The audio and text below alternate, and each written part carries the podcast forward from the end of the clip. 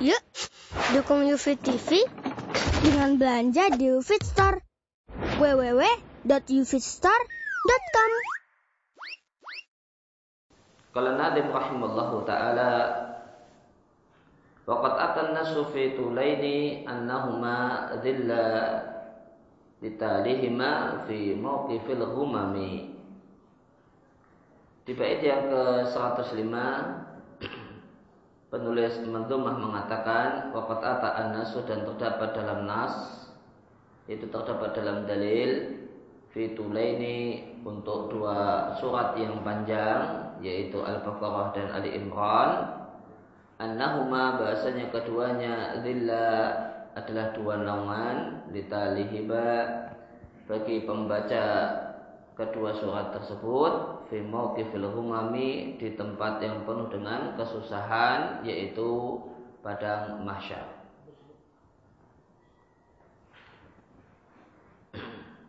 Penjelasan yang dimaksud keduanya adalah Al-Baqarah dan Ali Imran, humam, diambil kata-kata humah dan humah di sini maknanya adalah syiddah, kesusahan. Maka bait yang ke-105 ini mengisyaratkan isi hadis yang ada dalam Sahih Muslim dari An-Nawas Ibn Sam'an Al-Kilabi radhiyallahu anhu beliau mengatakan aku mendengar Nabi Shallallahu alaihi wasallam bersabda yu'ta bil Qur'ani yaumal qiyamah maka didatangkanlah Al-Qur'an dan yang dimaksudkan adalah amal membaca Al-Quran pada hari kiamat. Wa ahli demikian juga ahli Al-Quran, orang-orang yang gemar membaca Al-Quran, Siapa itu ahli Al-Quran? Nabi katakan di sini, alladzina kanu ya'maluna bihi. Orang yang mengamalkan isi Al-Quran. Orang yang rajin baca Al-Quran, namun ya, tidak mau mengamalkannya, berarti bukan ahli Al-Quran. Takdamuhu yang paling depan ya, ada surat Al-Baqarah wa Ali Imran.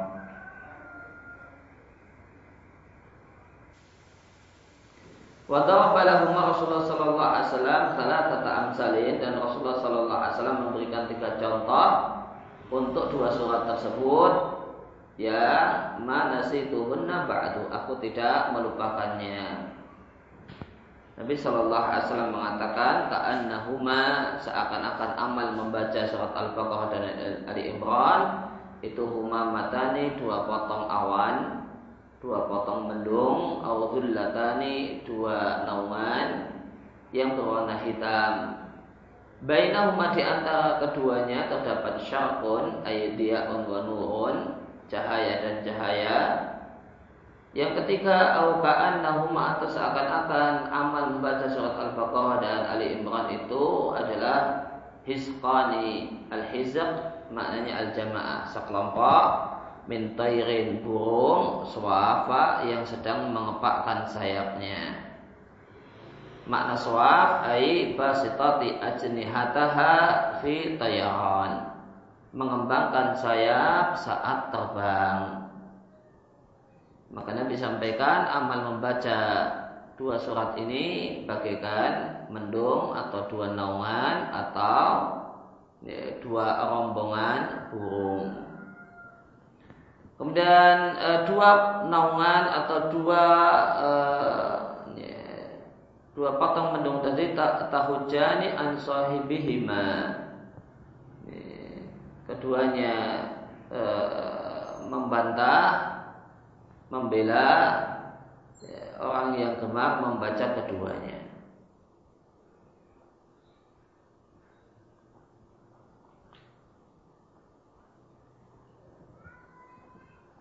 Ya, demikian keutamaan uh, yang Nabi sebutkan untuk uh, ya, untuk penggemar pembaca surat Al-Baqarah dan Ali Imran.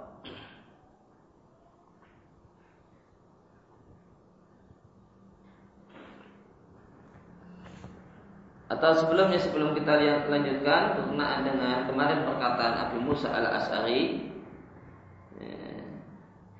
maka perkataan beliau ini yang benar catatan kakinya adalah catatan kaki dua diatkan oleh Ibnu Abi Syaibah Ad-Darimi. Dalam sanadnya terdapat Abu Kinana Huwa Al-Qurasi dan dia adalah rawi yang majhul sebagaimana dalam takribut tahdhib Sedangkan catatan kaki yang pertama adalah perkataan Ibnu Mas'ud untuk uh, status Al-Quran. Dia adalah syafiq musyafa' beri syafaat yang akan diterima mahilin musodak ya. maka Ibnu Mas'ud punya perkataan semacam itu diatkan oleh Abdul Razak dalam eh, Musannaf dan Ibnu Abi Syaibah dalam Musannaf Kemudian bait selanjutnya bait yang ke 106 sampai 110 Qala Nadim rahimallahu taala wa annahu fi ghadin ya'ti bi sahibihi mubashiran wa hajijan anhu in yaqumi. Wa in wa annahu dan sesungguhnya Al-Qur'an fi ghadin esok hari yaitu pada hari kiamat akan datang untuk sahibul Quran. Yang tadi telah Nabi sampaikan, sahibul Quran adalah orang yang gemar membaca Al-Quran dan mengamalkannya. Mubashiran memberikan kabar gembira wahajijan dan pembela anhu dirinya in yakumi jika dia menegakkan isi Al-Quran.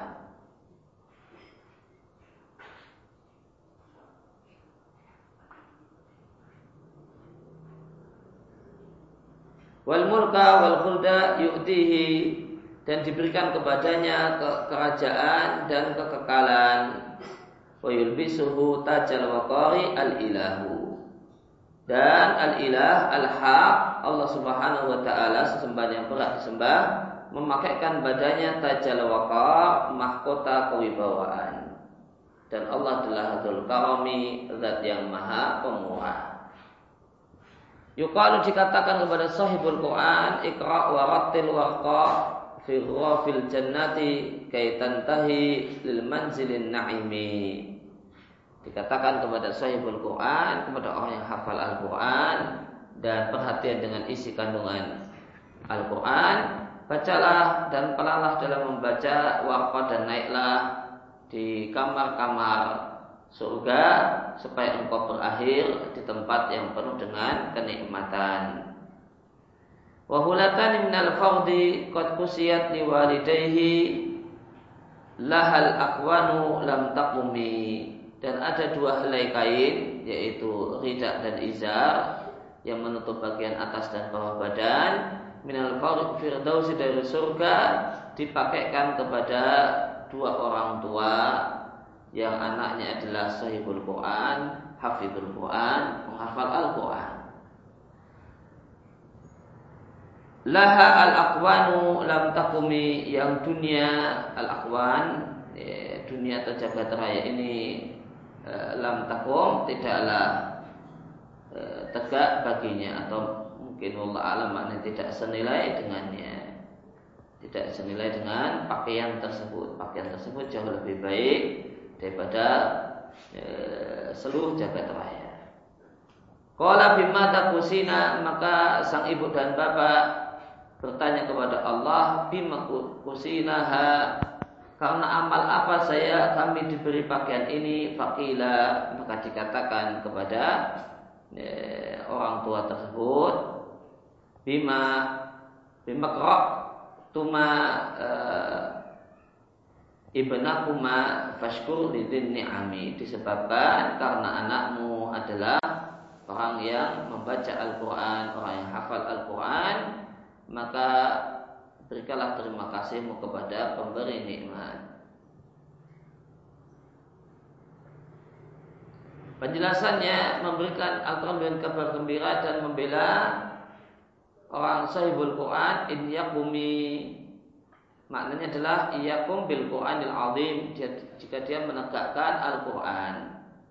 Menegakkan Al-Quran ilman wa amalan. Dari sisi ilmu dan dari sisi amal. Karena isi Al-Quran boleh jadi adalah berita yang ini mengharuskan ilmu. Ya, berita tentang Allah, berita tentang makhluk yang wajib kita percaya dan kita yakini, maka ini mengharuskan ilmu. Dan ada perintah dan larangan dan ini mengharuskan amal.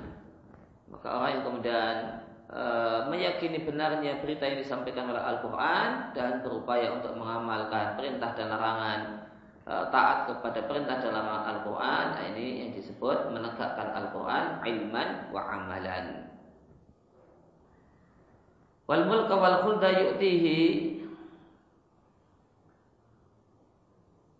yu'tihi al mulka biyaminihi wal khulda bishimalihi. Allah berikan kepadanya kerajaan di kekuasaan di tangan kanannya dengan tangan kanannya dan kekekalan dengan tangan kirinya. Wahatani nikmatani wajima'u na'imil akhirah. Dan dua nikmat ini adalah inti nikmat dan kesenangan di akhirat.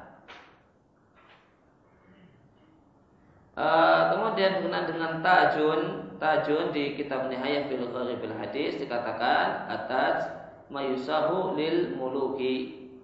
Apa yang dibuat untuk para raja? Ya mahkota yang dibuat dan dipakai untuk para raja. Minat zahab terbuat dari emas wal jawahir dan permata.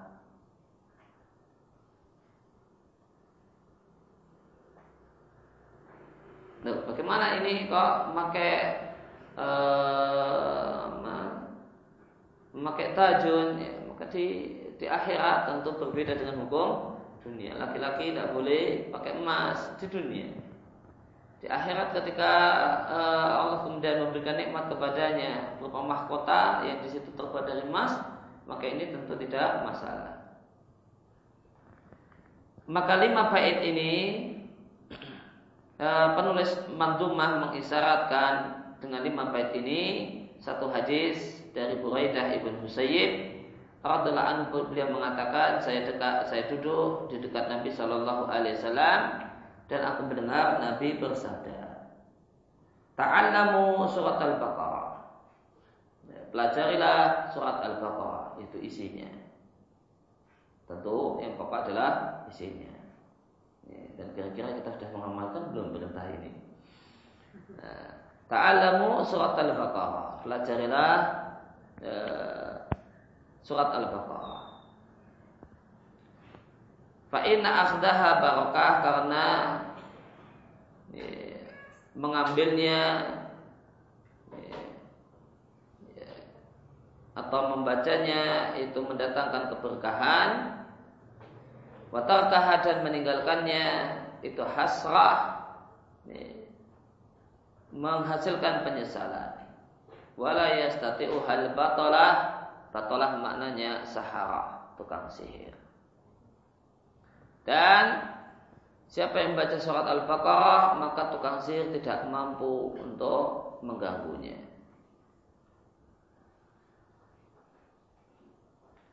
Qal Tuma maka sesaatan kemudian Nabi diam sesaat.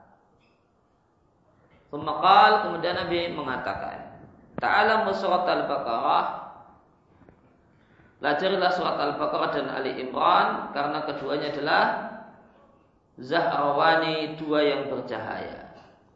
Tudillani yang akan menaungi sahibahuma orang yang gemar membacanya. Dan orang yang gemar membacanya adalah orang yang hafal keduanya. Dia akan gemar membacanya untuk merojaah.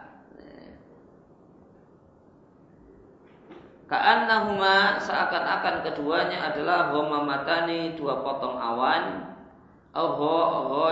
yatani dua cahaya au firqani dua rombongan min tairin suafa burung yang mengepakkan sayapnya. Wa inal Qur'an dan sunyi Al-Quran yalqa sahibahu akan menjumpai sahibul Quran orang yang gemar membacanya ya, dan berusaha untuk mengamalkannya dan orang yang gemar membacanya adalah para penghafalnya yang berulang kali membacanya untuk untuk murojaah. Ya. Yang boleh jadi kalau orang itu sudah hafal 30 juz maka sehari dia minimal harus baca 5 juz minimal 3 juz. Maka tentu dia akan orang menjadi orang yang sangat gemar membacanya.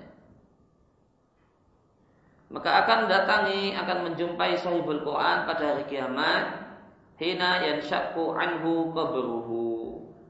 Ketika kuburnya itu terbelah ketika dia bangkit dari kubur. Karajuli syahid seperti seorang yang pucat dan kurus. Fayaqul lahu maka kemudian Al-Quran, amal membaca Al-Quran berkata kepada sahibul Quran. Hal ta'rifuni, apakah engkau kenal aku? Maka si manusia mengatakan, ma'arifuka aku tidak mengenalmu. Maka kemudian diulang lagi pertanyaannya, hal ta'rifuni, apakah engkau kenal aku? Maka sahibul Quran mengatakan, ma'arifuka aku tidak mengenalmu. Fayaqul maka amal membaca Al-Quran mengatakan Ana Qur'anu Aku adalah kawanmu Al-Quran Alladhi athma'tuka fil hawajir Wa ashartu laylaka Akulah yang mengerjai dirimu Sehingga engkau pun kehausan di siang hari Dan begadangan di malam hari. Kehausan di siang hari karena murojaah yang banyak. Nah, ya, sampai haus karenanya. Wa asartu lailaka dan akulah yang membuatmu begadangan di malam hari. Untuk kemudian karena bacaan Al-Quran tersebut dipakai untuk sholat malam dan bacaan Al-Quran yang kokoh manakala sudah bisa dipakai untuk sholat malam. Wa inna kulla tajirin min wara'i tijaratihi. Padahal setiap pedagang di belakang pedagangnya perdagangannya masing-masing. Sedangkan manusia sibuk dengan dunianya masing-masing. Sedangkan sibuk dengan profesinya masing-masing sibuk dengan duitnya masing-masing sibuk dengan bisnisnya masing-masing sedangkan engkau sibuk mengurusi diriku. Engkau sibuk membaca Al-Quran. Siang habis untuk e, membaca hafal Quran sampai kehausan, malam pun masih dilanjut sampai begadangan. Akhirnya kemudian karena demikian e, habis waktunya untuk Al-Quran, ya, maka dunianya tidak sehebat teman-temannya yang tidak punya kesibukan dengan Al-Quran. Oleh karena itu maka kemudian Al-Quran mengatakan yaitu amal baca Al-Quran mengatakan wa inna kaliyama biwara'i kulli tijarati. Kalau dulu engkau kalah bisnismu dengan yang lain karena waktu tersita atau sebagian waktu tersita untuk Al-Quran sekarang engkau pada hari ini itu menguasai seluruh bisnis. Maka tijarah perdagangan akhirat engkau yang punya sekarang kalau dulu engkau kalah dengan si A, si B, si C yang lebih top, yang lebih maju perdagangannya. Sekarang semua perdagangan akhirat engkau yang pegang di belakangmu. Fayu'fa fayu'ta al-mulka biyaminihi wal khulda. Maka diberikan kepadanya kekuasaan, kerajaan dengan tangan kanannya dan kekekalan dengan tangan kirinya. Maka diberikan maka kemudian dia pun memegang al-mulka dengan tangan kanannya dan al-khulda dengan tangan kirinya. Wa ala ra'si tajul waqar dan diletakkan di kepalanya mahkota kewibawaan. Yaitu diletakkan pada sahibul Quran, orang yang rajin baca Al-Quran dan berupaya mengamalkannya. Orang yang paling rajin eh, membaca Al-Quran adalah hafidul Quran, hamilul Quran, penghafal Al-Quran wa yuksa walidahu. Kemudian bapak dan ibunya diberi pakaian ini dua lembar kain. Itu kain atasan dan kain bawahan. Yaitu rida dan izar. La yakumu lahuma ahlu dunia.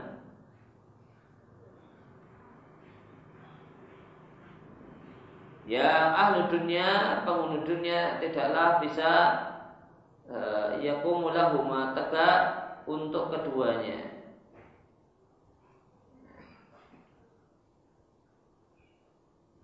Allah alam maknanya adalah ya, dunia itu tidak senilai dengannya. Atau kemudian para pemuja dunia tidak bisa mendapatkan yang seindah itu, sebagus itu. Orang sibuk dengan bisnisnya, sibuk dengan perdagangannya, tidak bisa mendapatkan ya, pakaian seindah yang Allah berikan kepada kedua orang tuanya.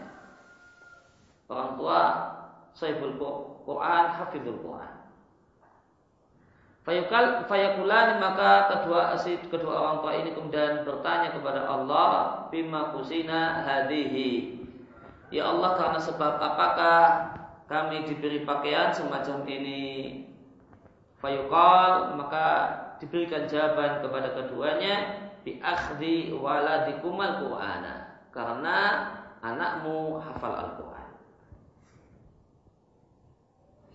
Sumayukalulah kemudian dikatakan kepadanya kepada sahibul Quran, hafidul Quran, ikra was'ad. Bacalah dan naiklah fi darajatil jannah di tingkatan-tingkatan surga.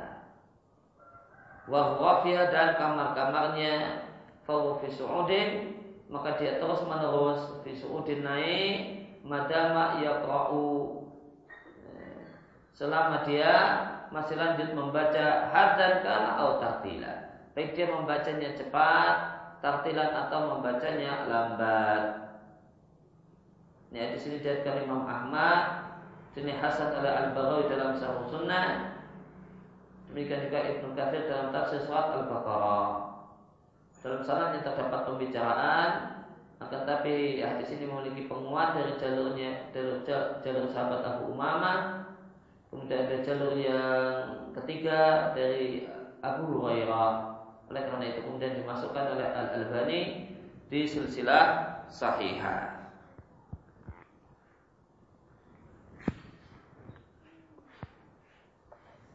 Ya, maka di sini terdapat hadis panjang tentang keutamaan membaca Al-Quran dan ya, menghafal Al-Quran.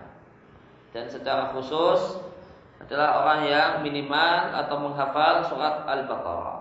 Di awal hadis disampaikan ta'alamu surat Al-Baqarah, eh, pelajarilah surat Al-Baqarah, membacanya, menghafalnya dan isi kandungannya. Karena mengambilnya, mempelajarinya, menghafalkannya adalah berkah. Kemudian e, meninggalkannya dan tidak menguasainya adalah e, kerugian atau penyesalan ya, dan orang yang membaca surat Al-Baqarah Allah akan lindungi dari gangguan sihir. Ya, dalam hadis ini ya, tukang sihir disebut batolah. Yang mana asalnya adalah orang yang pengangguran, kurang kerjaan. Ya, dia kemudian pengangguran ya, tukang sihir itu nganggur cuma tengah-tengah di rumah kerjanya nunggu pasien datang ya. Mungkin dari, dari situ kemudian disebut batolah.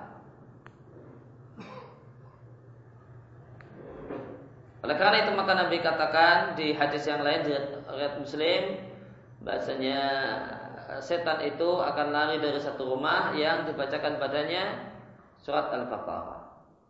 Dan kenapa surat Al-Baqarah punya keistimewaan yang demikian hebat ya, karena terkandung di dalamnya ayatul kursi. Ya, dan di hadis yang lain disampaikan siapa yang baca ayat kursi di malam hari maka Allah Subhanahu wa taala akan berikan padanya penjaga dari gangguan setan sampai pagi tiba. Kemudian di baris selanjutnya Nabi sampaikan pelajarilah surat Al-Baqarah dan Ali Imran.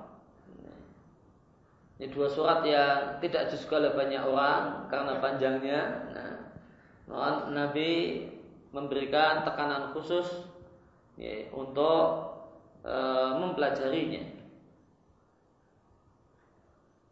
Dan Nabi sampaikan perumpamaan nanti Al-Quran amal membaca al, e, membaca surat Al-Baqarah. Dan orang yang rajin baca surat Al-Baqarah adalah orang yang hafal Eh, dua surat ini Al-Baqarah dan Al-Imran. Maka Nabi katakan dia adalah dua cahaya atau dua mendung atau dua kelompok e, burung seakan-akan dua kelompok burung yang mengepakkan saya untuk datang menghadap Allah membela orang yang rajin membacanya. Kemudian Nabi sampaikan bahasanya amal membaca Al-Quran akan menjumpai orang yang e, saat akan menjadi teman bagi sahibul Quran ketika dia bangkit dari kuburnya. Sudah Nabi sebutkan bagaimana sahibul Quran yang sesungguhnya melalui perkataan eh, Al-Quran, amal membaca Al-Quran kepada sahibul Quran. Maka dia adalah orang yang perhatian dengan hafalannya, ya, dengan kemudian oleh karena itu karena perhatian dengan hafalannya maka dia sampai kehausan fil hawajir di siang hari dan begadangan di malam hari. Dan di sini menunjukkan keutamaan membaca Al-Quran di malam hari dan keutamaan menggunakan e, hafalan Al-Quran di malam hari yaitu pada saat sholat malam. Ya, dan realita menunjukkan bahasanya hafalan yang kokoh, yang betul-betul kokoh dimiliki oleh seseorang adalah manakala dia bisa memakainya untuk sholat malamnya.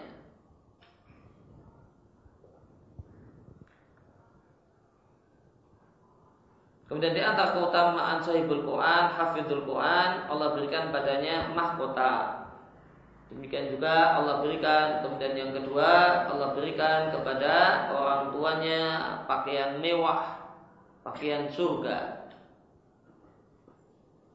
Yang pada saat uh, mendapatkan pakaian tersebut si orang tua ini bingung karena ini atas amal apa saya bisa mendapatkan pemuliaan yang demikian luar biasa. Maka Allah kemudian sampaikan karena anakmu hafal Al-Quran. Dan keutamaan yang lain dari sahibul Quran eh, dia diperintahkan untuk membaca Al-Quran untuk naik ke derajat-derajat surga. Maka dari sini kemudian sebagian ulama mengatakan jumlah derajat surga itu sebanyak ayat Al-Quran. Sebanyak ayat Al-Quran. Eh, maka Siapa yang kemudian makin banyak hafalan Qurannya maka akan semakin tinggi derajatnya. Ya.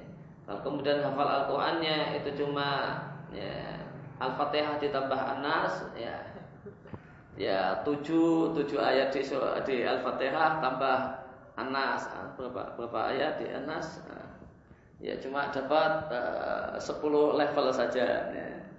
ya. Kemudian tambah Al-Ikhlas ya tambah uh, sedikit ya. ya. Namun kalau dia yang tentu ini beda dengan levelnya kalau yang uh, yang kemudian hafal Al-Quran seluruhnya, maka dia berada di puncak derajat surga.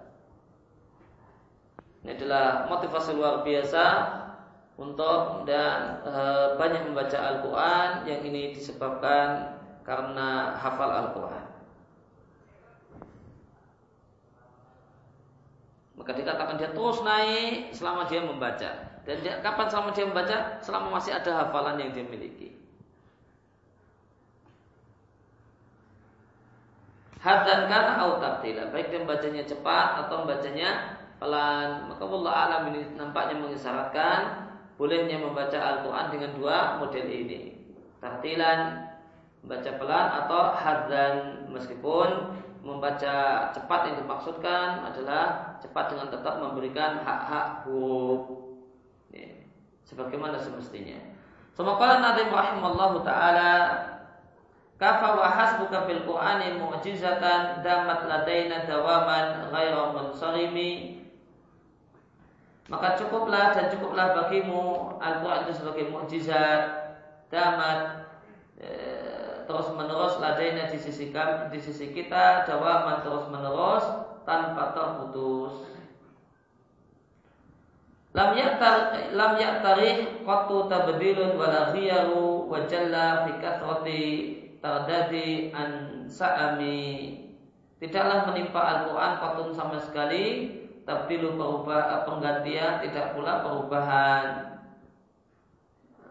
Wajalla dan sangatlah langka jika roti tardadi karena banyak mengulang-ulang an sa'imi sa'ami bosan. Maka jarang dan langka sekali ada orang yang bosan karena berulang-ulang membaca Al-Quran. Hasbuka maknanya yang fika cukup bagimu Al-Quran sebagai mukjizat. Artinya cukup bagimu mukjizat berupa Al-Quran Karena dia adalah mukjizat yang paling besar. Ghaira munsarimi artinya tidak terputus artinya terus menerus. Artinya dia adalah mukjizat yang langgeng dan terus menerus. Sampaikan oleh Ibnu Qayyim rahimahullah taala di Ighasatul Lahfan Dikatakan wa idza kana hada sya'nu mu'jizati hadaini rasulain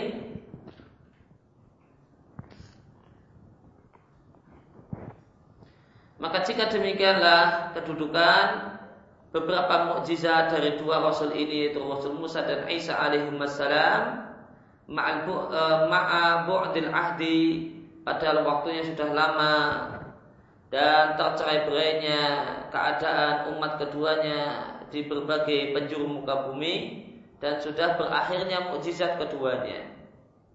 Karena mukjizatnya cuma bisa dilihat oleh orang yang hidup di masa itu. Maka bagaimana lagi dengan kenabian seorang manusia yang mukjizat dan ayatnya tazitu alal alf dan ayat-ayat ayat di sini maknanya mukjizat lebih dari seribu mukjizat. Lebih dari seribu mukjizat. Yang mukjizat dalam bahasa Al-Quran itu disebut ayat. Ayatun Nabi, ayat seorang Nabi adalah mukjizatnya. Wal ahdu bi dan masa kenabian beliau itu itu dekat dan belum lama dibandingkan Musa dan Isa. Wa dan orang-orang yang mengutipnya, meriwayatkannya yaitu para sahabat adalah astaqul khalqi wa abaruhum adalah manusia yang paling uh, paling jujur dan paling bertakwa. Wa naqalaha sabitun dan nukilan Al-Qur'an itu valid dengan tawatur dari zaman ke zaman. Wa a'zamuha dan mukjizat sang Nabi yaitu Muhammad sallallahu alaihi wasallam yang terbesar dari seribu mukjizatnya atau lebih dari seribu mukjizatnya adalah kitabun baqin adalah kitab itu Al-Quran yang langgeng Raddun tariyun yang berada dalam keadaan segar dan segar. Artinya ya asli sebagaimana turun kepada Nabi Shallallahu Alaihi Wasallam. Lam yataghayyar wa lam yatabaddal min syai'un, tidak ada yang berubah atau yang diganti sedikit pun. Bahkan seakan-akan dia baru turun sekarang ini. Oleh karena itu disebut segar. Itulah Al-Quranul Azim Wa ma'akhbar bi yaqa'u kula waqtin ala wajhi alladhi bihi dan apa yang dikabarkan oleh Al-Qur'an terjadi setiap waktu dengan model sebagaimana yang dikabarkan oleh Al-Qur'an ka'annahu ka'annahu kana yushahidu iyana seakan-akan dia menyaksikannya dengan mata kepala Demikian perkataan Ibnu Qayyim. Wala artinya wala tahyur tidak mengalami perubahan. Sebagaimana firman Allah Azza wa Jalla Inna nahnu nazzalna dzikra kamilah yang menjaga menurunkan Al-Qur'an dan kamilah yang menjaganya. Ibnu Qayyim rahimahullah taala dalam kitabnya At-Tibyan fi Aqsamil Qur'an, At-Tibyan tentang sumpah-sumpah Al-Qur'an. Beliau mengatakan, Allah subhanahu maka Allah subhanahu wa ta'ala menjaga Al-Quran dari mendapatkan penambahan, pengurangan atau penggantian. Demikian juga Allah menjaga makna dan penafsiran Al-Quran dari penyelewengan sebagaimana Allah menjaga teksnya dari penggantian. Allah bangkitkan untuk tersebut orang-orang yang menjaga huruf Al-Quran dari tambahan dan pengurangan. Demikian juga Allah bangkitkan sejumlah orang yang menjaga Al-Quran, menjaga penafsiran Al-Quran dari penyelewengan dan perubahan. Maka di sini Ibnu Qayyim di At-Tibyan fi Aqsamil Quran mengatakan bahasanya yang dimaksud dengan Allah menjaga Al-Quran itu mencakup dua jenis penjagaan. Menjaga teks dan menjaga penafsiran. Allah Subhanahu wa taala menjaga teks Al-Qur'an dari perubahan dan penggantian. Ya, dengan Allah datangkan para ulama yang menghafal Al-Qur'an, ahlu riwayat, ya, ahlul ada disebut dalam dunia kiraat, ahlul ada mereka orang-orang e, jadi rujukan standar dalam membaca Al-Quran Allah kemudian datangkan dan lahirkan ilmu tajwid dan ilmu kiraat dan yang lainnya untuk menjaga teks Al-Quran. Kemudian e, Allah datangkan para ulama ahli tafsir yang kemudian meletakkan itu tafsir, kemudian meletakkan ilmu ulumul Quran, kemudian ilmu usul tafsir, ilmu kaidah-kaidah tafsir, yang dengannya maka terjagalah penafsiran dan pemaknaan terhadap Al-Quran. Maka yang dimaksud dengan Kami menjaga Al-Quran, kami menjaga teksnya dan menjaga penafsirannya. Dan penafsiran Al-Quran itu tidak akan terjaga kecuali dengan terjaganya hadis-hadis Nabi Shallallahu Alaihi Wasallam dan terjaganya bahasa Arab. Dan demikianlah realitanya Allah Subhanahu Wa Taala menjaga hadis yang merupakan penafsir Al-Quran yang menjelaskan Al-Quran Allah datangkan para ulama yang kemudian memberikan kepada kita rambu-rambu mana hadis yang terpercaya dan hadis yang tidak terpercaya mereka meletakkan ilmu mustalah hadis, ilmu jahwat ta'dil, ilmu ilalul hadis yang dengannya terjagalah ya, terjagalah sunnah, terjagalah hadis yang merupakan penafsir Al-Quran. Dan Allah Allah datangkan para ulama uh, lugawiyin, para pakar bahasa Arab, uh, ya, kemudian mereka jaga mufradat bahasa Arab dengan Allah datangkan kemudian kitab-kitab kamus, kemudian kaidah-kaidah berbahasa, ya, kaidah untuk memaknai uh, satu kata dengan uh, dengan ilmu balaghah dan yang lainnya. Maka dengan ketika hadis itu terjaga, bahasa Arab terjaga, ya, maka penafsiran Al-Quran itu terjaga. Wajalla fi kathrati tardati an sa'imi artinya adalah orang yang baca Al-Quran dan bolak-balik membacanya layas tidak akan bosan, tidak akan bosan padahal dia bolak-balik banyak tirdat e, berulang kali baca Al-Quran, watikor dan mengulang-ulang Al-Quran.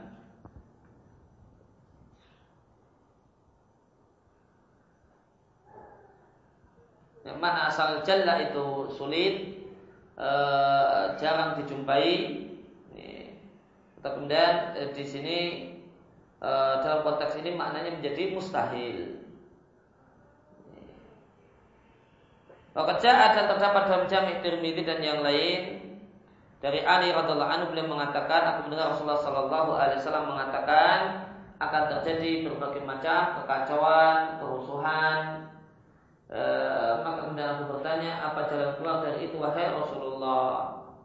Maka Nabi Shallallahu Alaihi Wasallam menyampaikan kitabullah Al-Quran isi Al-Quran adalah berita umat sebelum kalian dan kabar umat-umat setelah kalian ya, hukum yang dan hukum untuk permasalahan yang diperselisihkan di antara kalian dan dia adalah kata tegas al-fasal kata yang memberikan ketegasan dan kepastian dan bukan guyonan.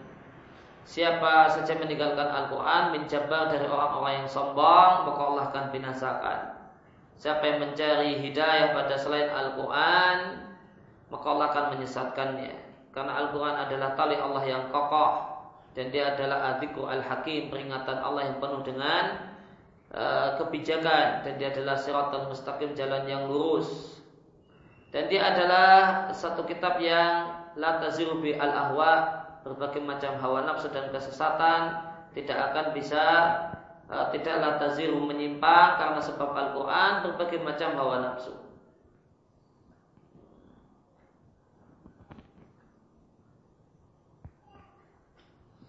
Ya, maka dengan sebab dengan Al-Quran maka orang itu akan terjaga dari penyimpangan. Walakal bisubi al sinatu dan lidah pun tidaklah kacau dengannya wala yasba'u minhul ulama orang-orang yang betul-betul berilmu tidaklah kenyang tidaklah uh, bosan membaca membacanya. Wala yakhlaqu ala kathratil ratti dan dia tidak usang karena banyak diulang-ulang. Wala tanqadi ajaibuhu dan tidak akan pernah habis. Hal-hal yang menakjubkan yang ada dalam Al-Qur'an. Dan dialah kitab yang lam tantahi al-jinnu idzamituhu tidaklah uh, selesai jin itu mendengarkannya sampai dia mengatakan Inna samina Qur'anan ajaba. Sungguh kami mendengar bacaan yang menakjubkan Yahdi ila rusdi yang memberikan petunjuk pada kebenaran. Siapa yang berkata berdasarkan Al-Quran maka dia akan dibenarkan dan benarlah perkataannya. Siapa yang mengamalkan isi Al-Quran akan diberi pahala. Siapa yang menetapkan hukum dengan Al-Quran maka hukumnya adalah hukum yang adil. Dan siapa yang mengajak manusia kepada Al-Quran e, maka dia adalah orang yang diberi petunjuk menuju jalan yang lurus.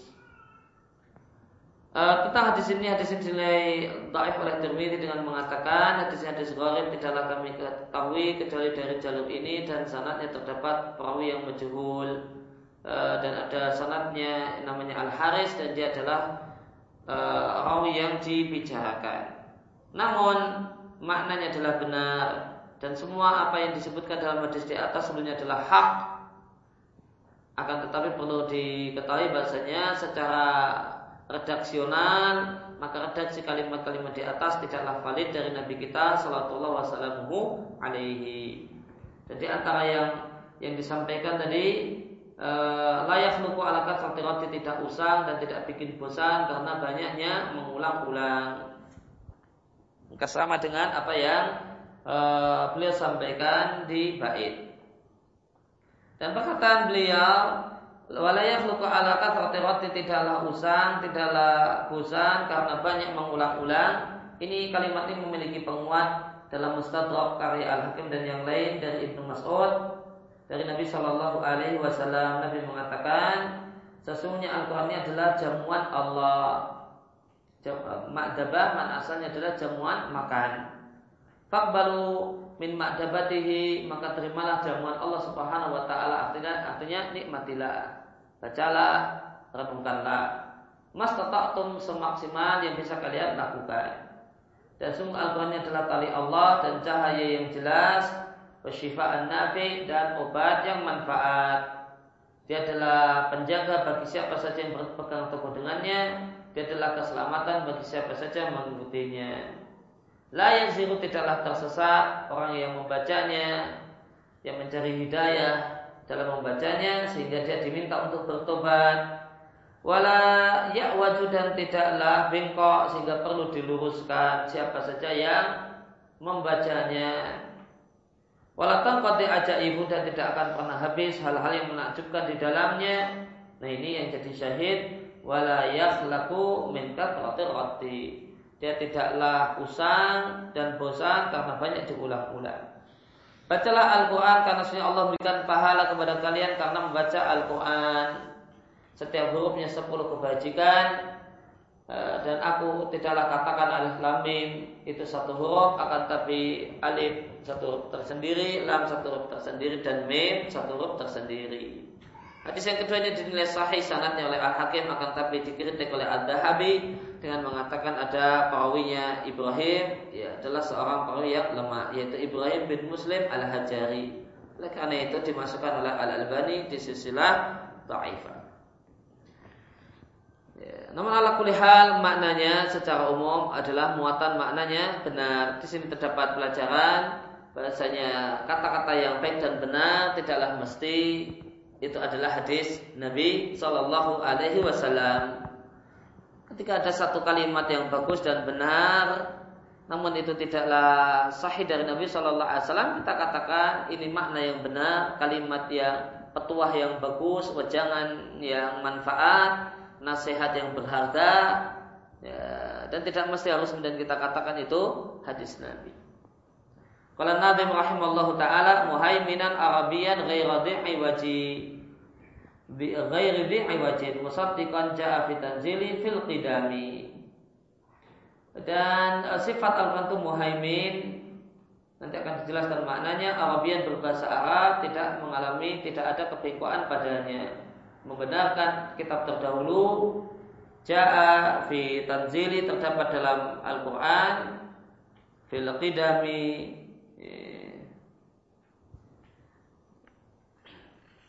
atau fil uh, membenarkan Ja'a tanzil terdapat dalam ayat-ayat Al-Quran. Kalau Al-Quran itu membenarkan fil yang terdahulu. Yaitu kitab-kitab yang terdahulu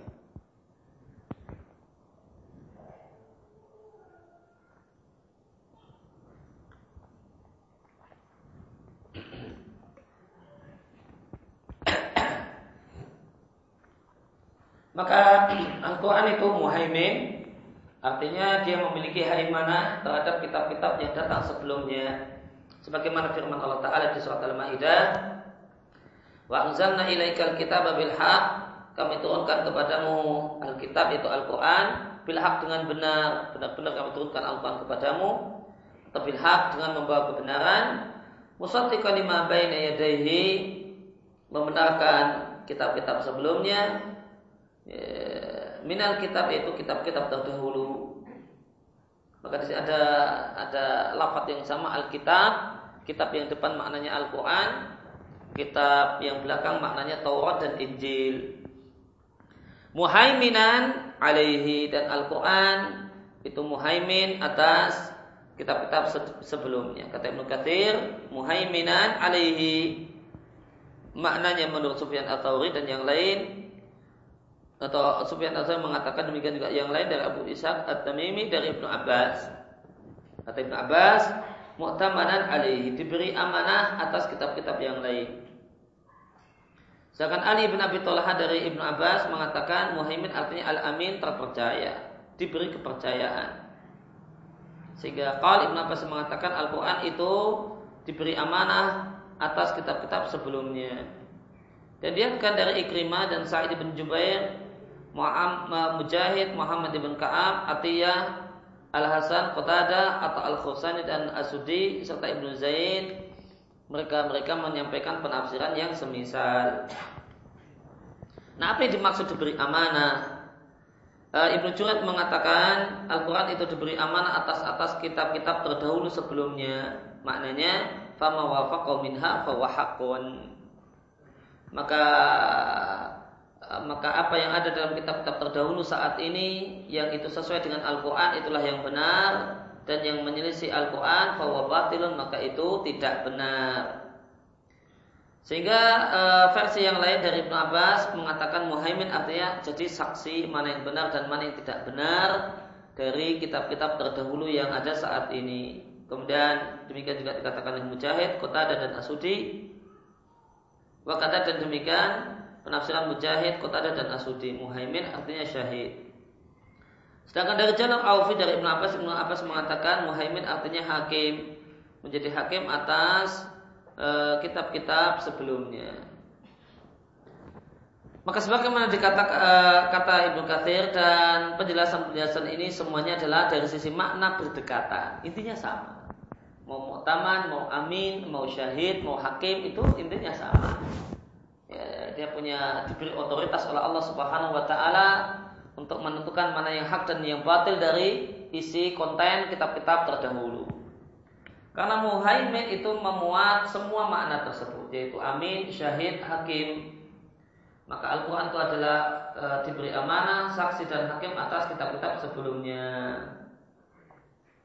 Ja'alallahu hadal kitab al-azim Allah subhanahu wa ta'ala menjadikan kitab yang mulia ini yang Allah turunkan sebagai akhir kitab dan penutup kitab Allah jadikan dia adalah kitab yang paling luas cakupannya, paling agung dan paling sempurna. Haitu jama'a fi mahasina ma Allah kumpulkan dalam Al-Qur'an yang paling yang unggul-unggul dari kitab-kitab terdahulu. Demikian kata Ibu Katsir. Bahkan Allah tambah untuk Al-Quran berbagai macam kesempurnaan yang tidak terdapat pada kitab-kitab sebelumnya. Oleh karena itu Allah jadikan Al-Quran sebagai saksi dan e, diberi amanah dan hakim atas eh, kitab-kitab sebelumnya seluruhnya. Sekian perkataan Ibnu Katsir rahimallahu taala. Maka di sini kita jumpai keterangan dari Ibnu Katsir bahasanya Al-Qur'an itu mengumpulkan semua kebaikan, syariat-syariat yang bagus, yang baik yang ada di Taurat, ada di Injil dan kitab-kitab yang lain dan ditambahi hal-hal uh, yang bagus, keunggulan yang tidak ada pada kitab-kitab sebelumnya. Dan Al-Quran itu berbahasa Arab sebagaimana Allah katakan, Inna anzalna Qur'anan Arabiyyan la'alakum ta'qilun. Ya kami turunkan kepada uh, kami turunkan kepadanya Al-Quran berbahasa Arab supaya kalian bisa memikirkannya dan memahaminya asalkan kalian menguasai bahasa Arab tentunya. Demikian di surat Yusuf. Kemudian di surat Toha.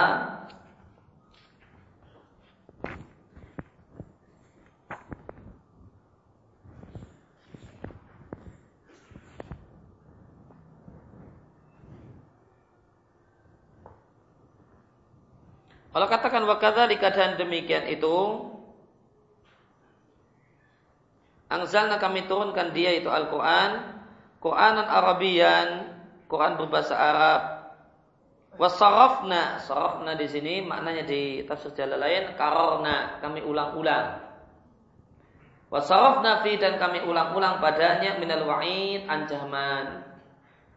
Maka berita-berita ancaman untuk orang kafir, untuk orang yang ingkar diulang-ulang tersebar dari surat Al-Baqarah dan seterusnya di surat-surat setelahnya.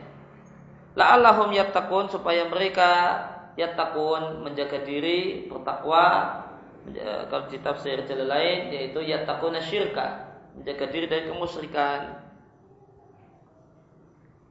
Au yuhdis atau Al-Quran itu uh, yuhdis Al-Quran lahum zikra atau Al-Quran itu memberikan bagi mereka zikra peringatan bihalaki man taqaddamahu minal umami yaitu dengan uh, binasanya umat-umat terdahulu fayak tabiruna maka diharapkan mereka-mereka mengambil pelajaran darinya.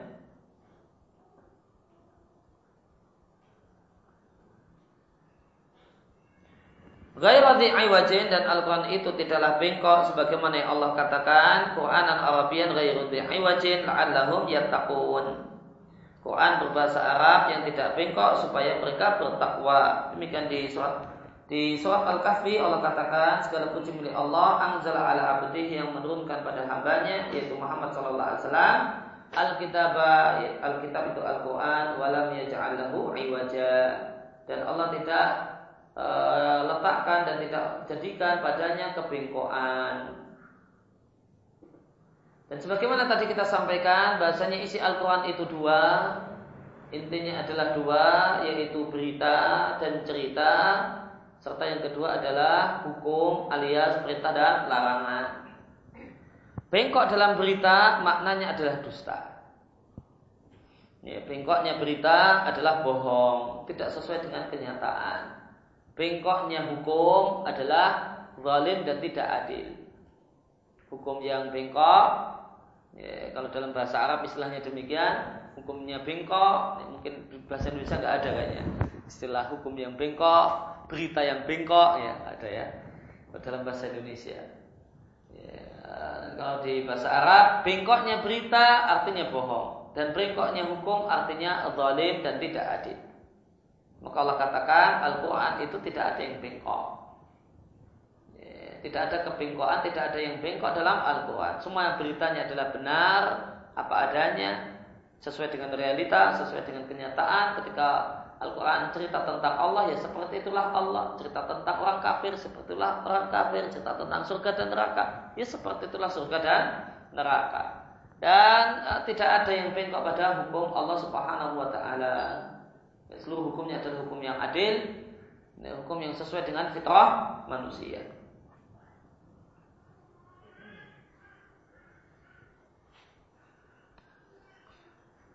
Kemudian Al-Quran itu musaddiqan ja'a fitanzili. Terdapat dalam Al-Quran kalau dia membenarkan sebagaimana firman Allah Ta'ala wa aminu bima anzaltu musaddiqan lima ma'akum dan e, imanilah apa yang aku turunkan yang dia membenarkan Eh, kitab yang bersama kalian wahai Bani Israel. Di ayat yang lain dan jika dikatakan kepada mereka imanilah apa yang Allah turunkan, mereka mengatakan kami mengimani apa yang diturunkan kepada kami dan kami kafir dengan yang lain. Maka warok di sini maknanya siwahu. Wara'ahu ay siwahu, yang lain. Bahwa hakum musati kalimah ma'ahu padahal dia yang dikafiri itu adalah Al-Quran yang benar dan membenarkan kitab suci yang ada di tangan mereka. Di ayat yang lain kami turunkan padamu Alkitab bil yang membawa kebenaran, membenarkan lima baina yadaihi kitab-kitab sebelumnya dan Allah juga lah yang menurunkan Taurat dan Injil. Dan apa yang dimaksud bahasanya Al-Quran membenarkan kitab-kitab terdahulu kemarin telah kita sampaikan mencakup dua pengertian Eh, pengertian yang pertama, musadikon itu maknanya adalah bukti benarnya perkataan Taurat dan Injil. Taurat dan Injil mengatakan akan turun di akhir zaman Al-Quran. Dan ternyata turun sebagaimana yang disampaikan oleh Taurat dan Injil. Maka musadikon artinya bukti benarnya apa yang disampaikan oleh Taurat dan Injil. Kemudian membenarkan uh, musatti kalimah baini yadayhi minal kitab, membenarkan kitab-kitab sebelumnya maknanya adalah uh, dialah yang memberikan stempel stempel yang benar dan mana yang tidak benar dari kitab-kitab sebelumnya. Dialah yang tidak punya otoritas, punya stempel, oh ini ayat ini benar, oh ayat ini tidak benar. Nah, Quran itu punya otoritas dan kewenangan untuk itu. Itu yang dimaksud dengan musaddiqal lima baina yadayhi minal kitab.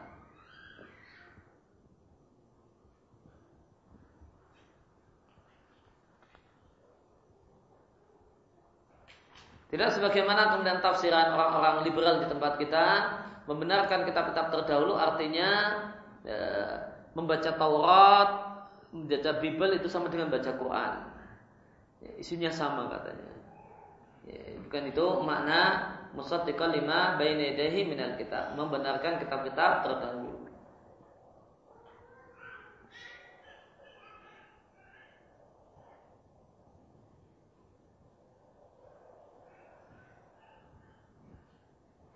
Seandainya kemudian kita uh, uh, kalau kemudian kita katakan dikatakan dan seluruhnya sama sama persis baca Taurat dan dia sama dengan baca Al-Qur'an tentu satu hal yang batil.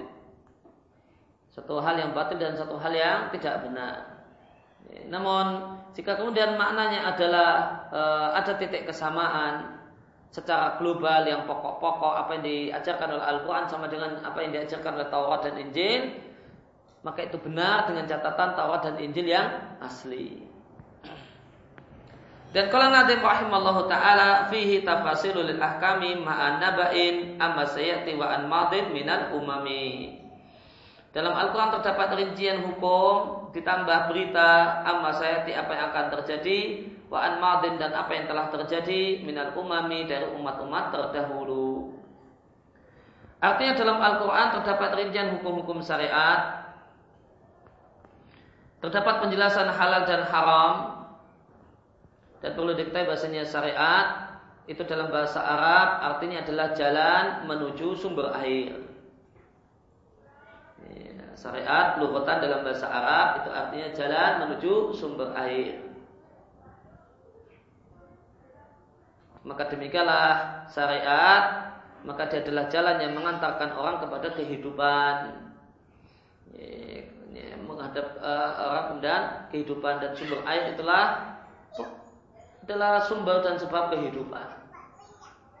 Maka menjalankan aturan syariat itu adalah jalan untuk mendapatkan kehidupan yang sesungguhnya, kehidupan yang hakiki, kehidupan yang penuh dengan kebahagiaan di dunia dan di akhirat. Dan penjelasan tentang halal dan haram, penjelasan tentang perintah dan larangan, mana yang wajib, mana yang haram, mustahab dan makruh. Semuanya dijelaskan dan dirinci dalam Al-Quran dalam kitab Allah Jalla wa'ala. Sebagaimana firman Allah Ta'ala, maka hadisan yuftara. Bukanlah Al-Quran itu perkataan yang dibuat-buat, akan tapi dia membenarkan Allah di baina yadaihi, kitab-kitab sebelumnya, wa tafsila kulli syai'in dan merinci segala sesuatu. Dia adalah hidayah dan rahmat bagi orang-orang yang beriman. Waqal dan Allah berfirman kepada nabinya sallallahu alaihi wasallam, Demikianlah kami berikan wahyu kepadamu. Kami wahyukan kepadamu roh yaitu Al-Quran dari ketetapan kami. Engkau tidak uh, tidak mengerti apa itu kitab, apa itu iman sebelumnya. Akan tapi kami jadikan Al-Quran itu adalah cahaya Yang dengannya kami berikan petunjuk kepada siapa saja yang kami kehendaki di antara hamba-hamba kami. Maka kami berikan hidayah kepada siapa saja yang kami kehendaki. Yang dimaksud dengan siapa saja yang kami kehendaki bukan berarti asal-asalan. Dan orang yang mendapatkan hidayah adalah orang yang gambling dan kebetulan dapat hidayah. Atau kemudian Allah paksa orang yang orang-orang tertentu untuk mendapatkan hidayah. Maka dalam hal ini berlaku kaidah yang disampaikan oleh Sayyid Nutaimin rahimahullah ta'ala Masyiatullah makrunatun bil hikmah ya, Kehendak Allah subhanahu wa ta'ala itu berganti dengan hikmah Artinya kaidah ini mengatakan kalau Anda membaca ayat atau membaca hadis yang mengatakan sebagaimana Allah kehendaki. Maka semuanya maknanya itu bil hikmah. Eh, jangan uh, pahami kalau itu kemudian asal. Asal dan suka-suka. Namun ketika Allah katakan baik dalam Al-Quran ataupun dalam hadis lewat lisan Nabi-Nya Muhammad SAW sebagaimana Allah kehendaki sebagaimana Allah kehendaki maka semuanya adalah makrunatun bil hikmah. Yang orang yang Allah kehendaki itu adalah orang yang memang hikmah Allah menunjukkan dialah yang layak untuk mendapatkannya. Kami berikan hidayah kepada siapa saja yang kami kehendaki artinya adalah orang yang Allah kehendaki itu siapa? Orang yang dalam hikmah Allah dia pas untuk mendapatkan hidayah karena dia adalah orang yang mencari hidayah, dia adalah orang yang memohon hidayah kepada Allah Subhanahu wa taala. Dan kami kami sesatkan siapa saja yang kami kehendaki itu bukan berarti ada orang yang dipaksa untuk dapatkan kesesatan. Namun orang yang hikmah Allah menunjukkan dia memang selayaknya mendapatkan kesesatan karena dia adalah pemburu kesesatan, dia adalah orang yang berpaling dari hidayah dan seterusnya. Maka masyiatullah makrunatun bil hikmah. Semua kehendak Allah itu bergandengan dengan hikmah.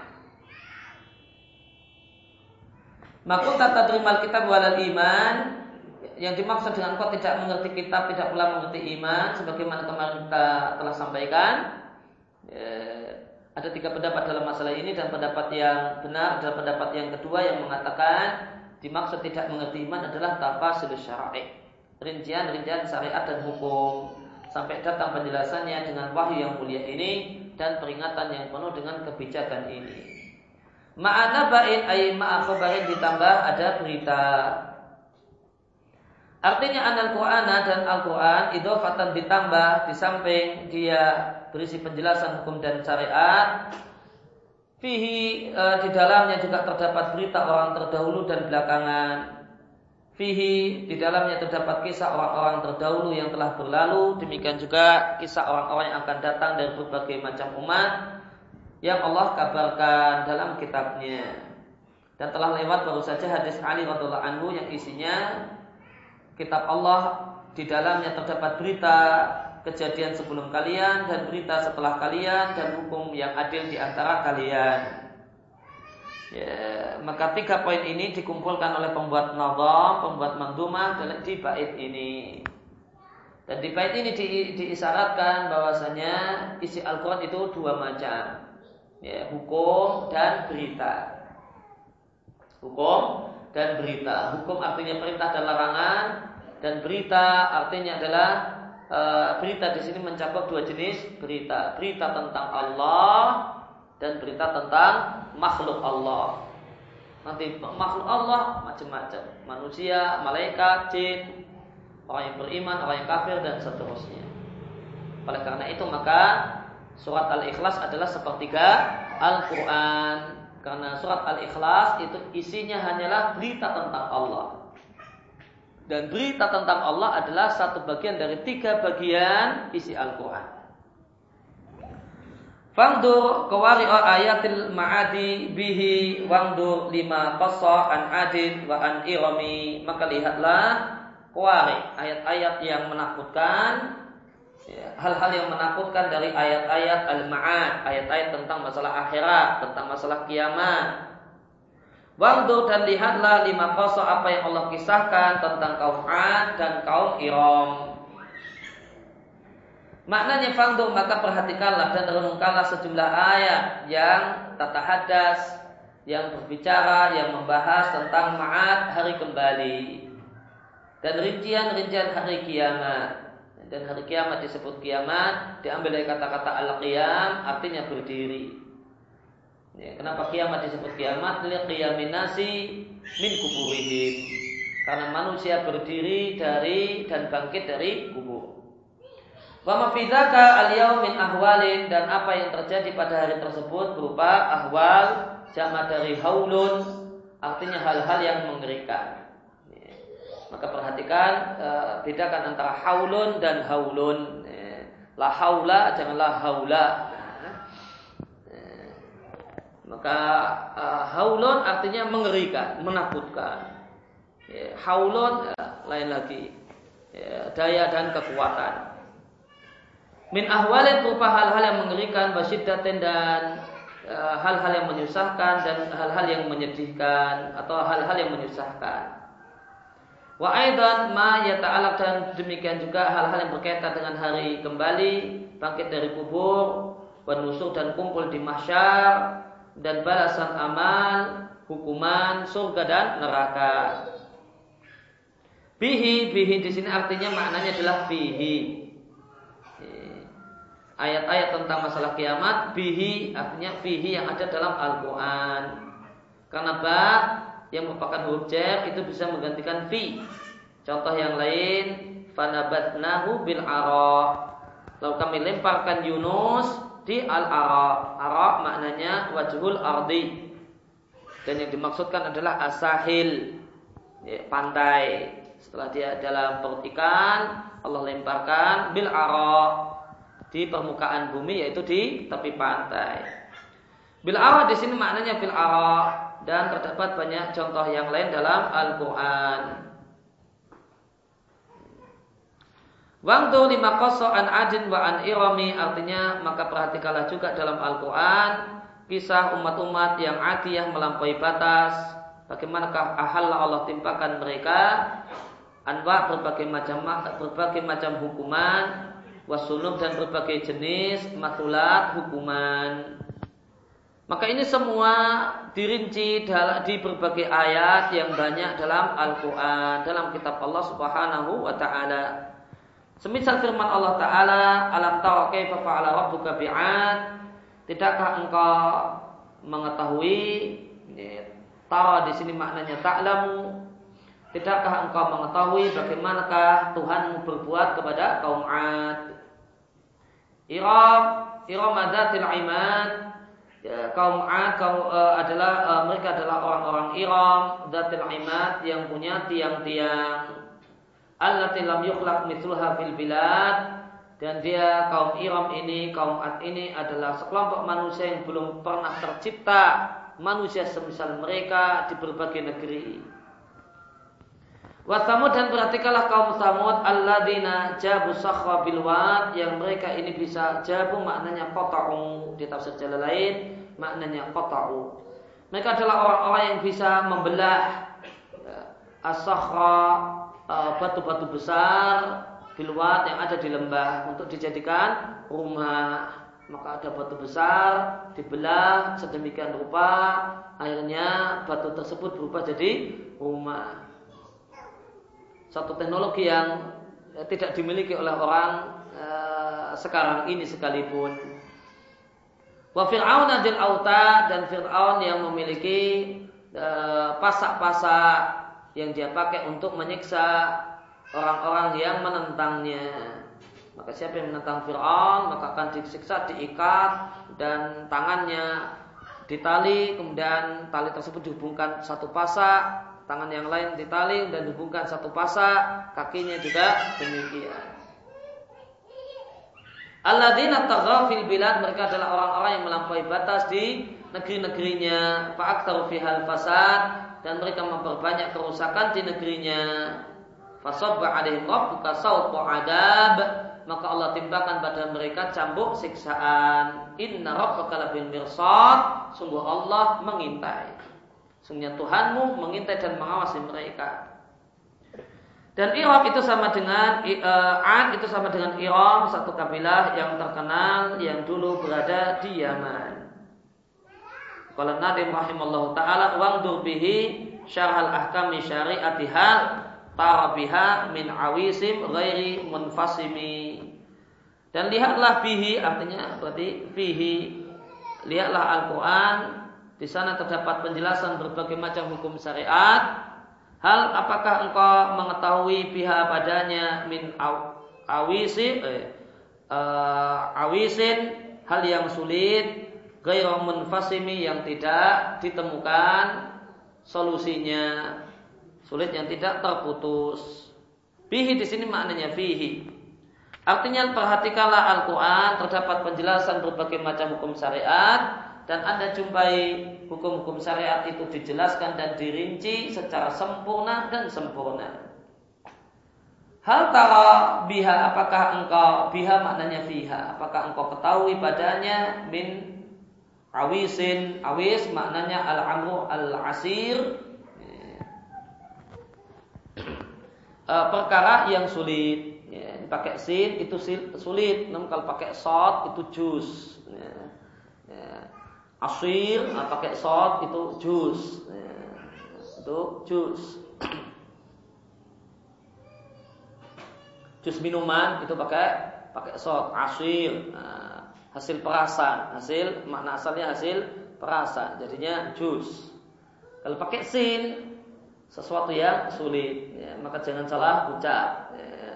e, kalau kemudian mau beli ya, ke toko kalau kemudian di Arab ya uh, abgha asir jangan asir nah, saya minta yang sulit nah.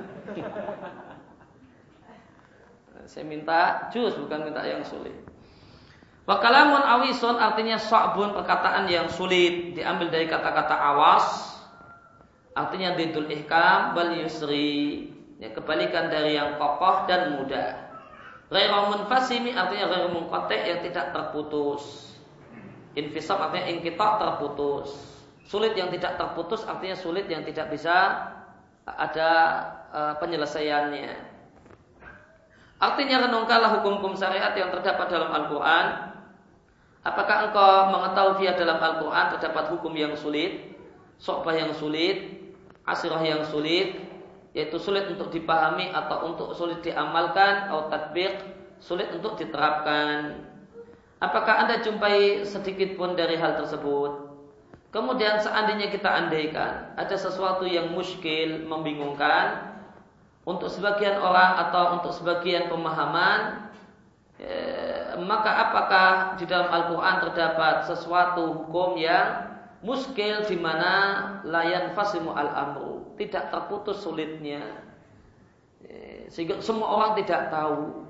Nggak ada kemudian jalan keluar untuk memahaminya. Walaistabinu dan tidaklah jelas secara mutlak. Eh, tentu jawabannya tidak ada. Kalau ada yang nggak jelas, itu nggak jelas untuk sebagian orang dan sangat jelas bagi orang-orang yang berilmu. Itu cuma tidak jelas untuk sebagian orang, namun orang-orang yang kokoh ilmunya seluruhnya jelas. Am anah ataukah isi al dan hukum-hukum yang jelas dan perkara-perkara yang mudah? Jawabannya tentu yang kedua. Ya demikian yang kita baca dan kita telaah dalam kesempatan pagi hari ini. Allahumma alimna ma yanfa'una fa'na bima 'allamtana wa zidna ilmu wa sallallahu ala nabiyyina Muhammadin wa ala alihi wa sahbihi wa salam. Wa da'wana alhamdulillahi rabbil alamin.